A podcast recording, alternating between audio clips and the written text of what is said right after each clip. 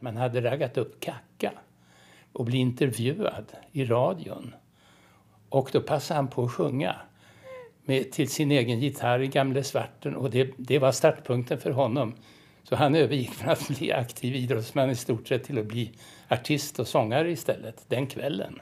Arne Ljungqvist, känd som internationell dopingexpert, ger en bild av hur livet för vännen och träningskompisen Karl-Erik Kacka Israelsson raskt förändrades under en kväll i idrottens tecken. Han var idrottsgrabb från början och han var ju talangfull.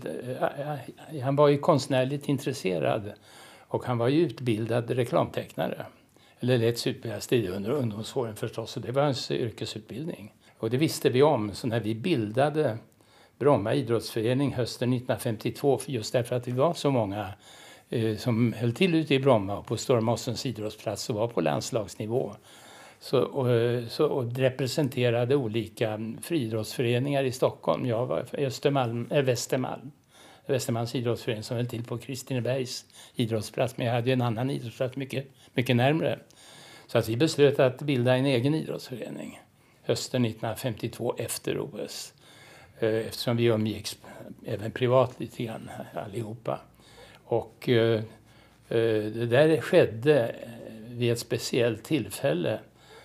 Hösten, om det var oktober eller november 52. Och tajmingen var lite olycklig därför att när det här blev bekant, och det blev bekant på ett väldigt speciellt sätt, så, som vi blandar in Kaka bland annat, så mm, hade Västermalms idrottsförening sitt 50-årsjubileum.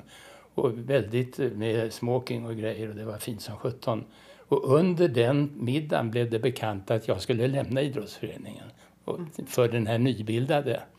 För det här slog an så väldigt. Men det var just precis den kvällen när annonsen, eller den här, blev offentligt känt att vi skulle bilda Bromma idrottsförening. Men hur är det för dig som kände honom? När du tänker på Kacka, är det först som artist eller som idrottsman? Det är som idrottsgrabb. Oh ja. Han var ju häcklöpare och längdhoppare och var duktig. Och han tävlade faktiskt för den enda idrottsföreningen där ute som då hade en liten friidrottssektion. Men den var mycket liten och det var idrottsföreningen Ulvarna. Både Arne och Kacka var framgångsrika inom sina friidrottsgrenar och båda kom att representera Sverige vid OS i Helsingfors 1952. Kacka tog en hedrande sjunde plats i längdhopp på 7 och 10 och Arne kom på en femtonde plats i höjdhopp där han klarade 1,90. Samma år, 1952, grundade alltså Kacka och hans landslagsmän friidrottsföreningen Bromma IF. Ganska omedelbart så designade Kacka vårt klubbmärke som fortfarande gäller. Hur ser det ut? Det är ett stort B och så är det vingar åt sidorna. Och det är hans, hans reklamteckning som ligger i botten för det. Men han blev ju scenartist och väldigt populär de där åren som följde och kunde inte kombinera det så jag förstod så särskilt mycket med elitidrottssatsning mer. Och jag tror att han också hade eh, fortsatte lite på i alla fall fritid med reklamteckningen och hade lite inkomster den vägen också. Mm. Sen så flyttade han ju ganska snart iväg ut i Roslagen. Men vi träffades då och då. Och sista gången jag träffade honom, det var vid ett väldigt speciellt tillfälle. Och det var när Lasse Ylander som var häcklöpare, eh, som sagt på, eh, då på 40-50-talet, eh, hade, och vi, vi blev alla eh, som var i den här eliten, blev så kallade stora grabbar i friidrott. Det vill säga att då ska man ha haft vissa internationella framgångar. Så får man räkna poäng för landskampsseger, svensk mästerskap och Europamästerskap och så vidare. Det fanns inte så mycket internationella mästerskap på den tiden utan det var mest landskamper som var internationella och så var nationella mästerskapstävlingar. Jag menar, när jag berättar för dagens folk om vår tid och min egen så tror de inte sina öron. Jag menar, jag är självgärd. Jag hade aldrig någon tränare. Aldrig haft. Aldrig haft. Inte Kacka heller? Nej.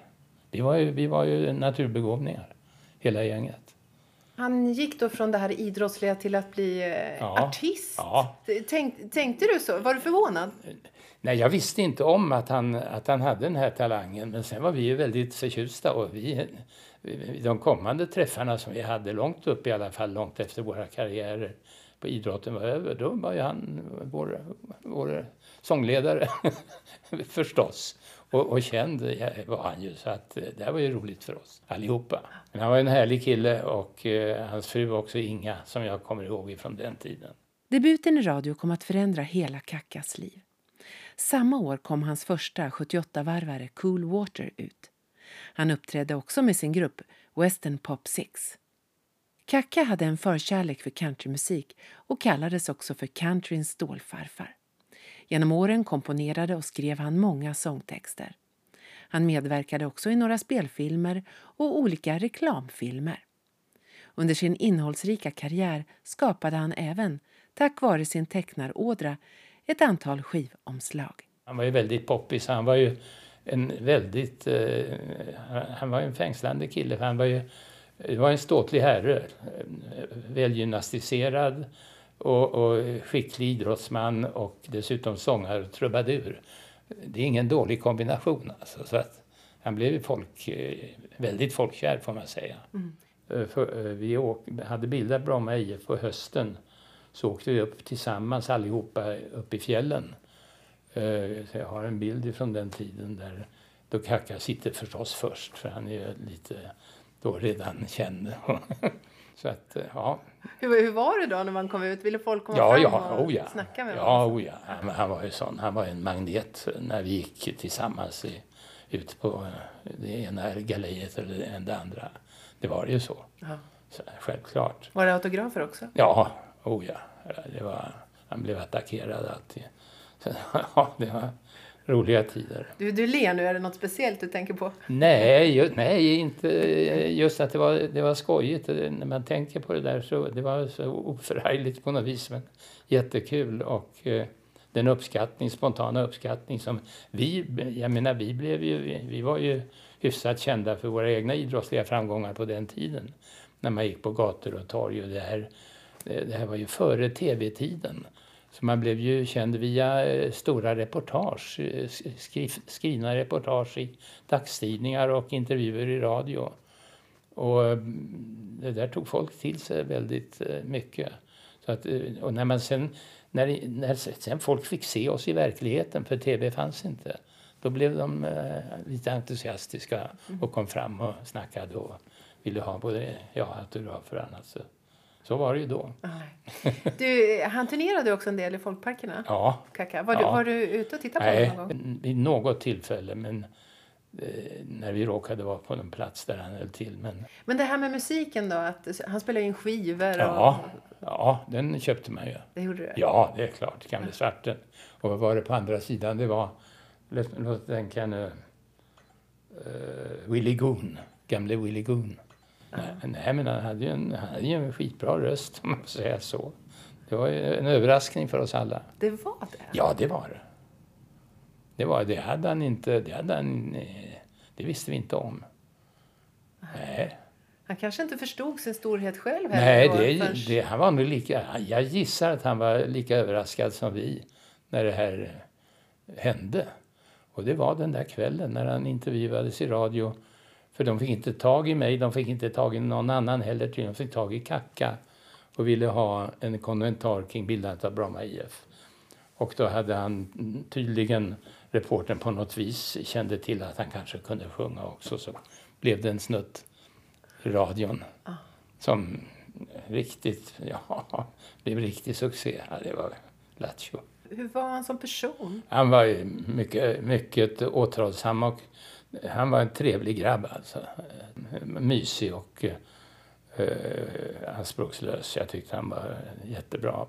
Karl-Erik Kacka Israelsson var aktiv som artist fram till 2002 då hans sista album gavs ut. Den 10 januari 2013 avled han i Uppsala, 83 år gammal. Det var vännen Arne Ljungqvist som gav oss en bild av Kackas liv som idrottsman och som artist.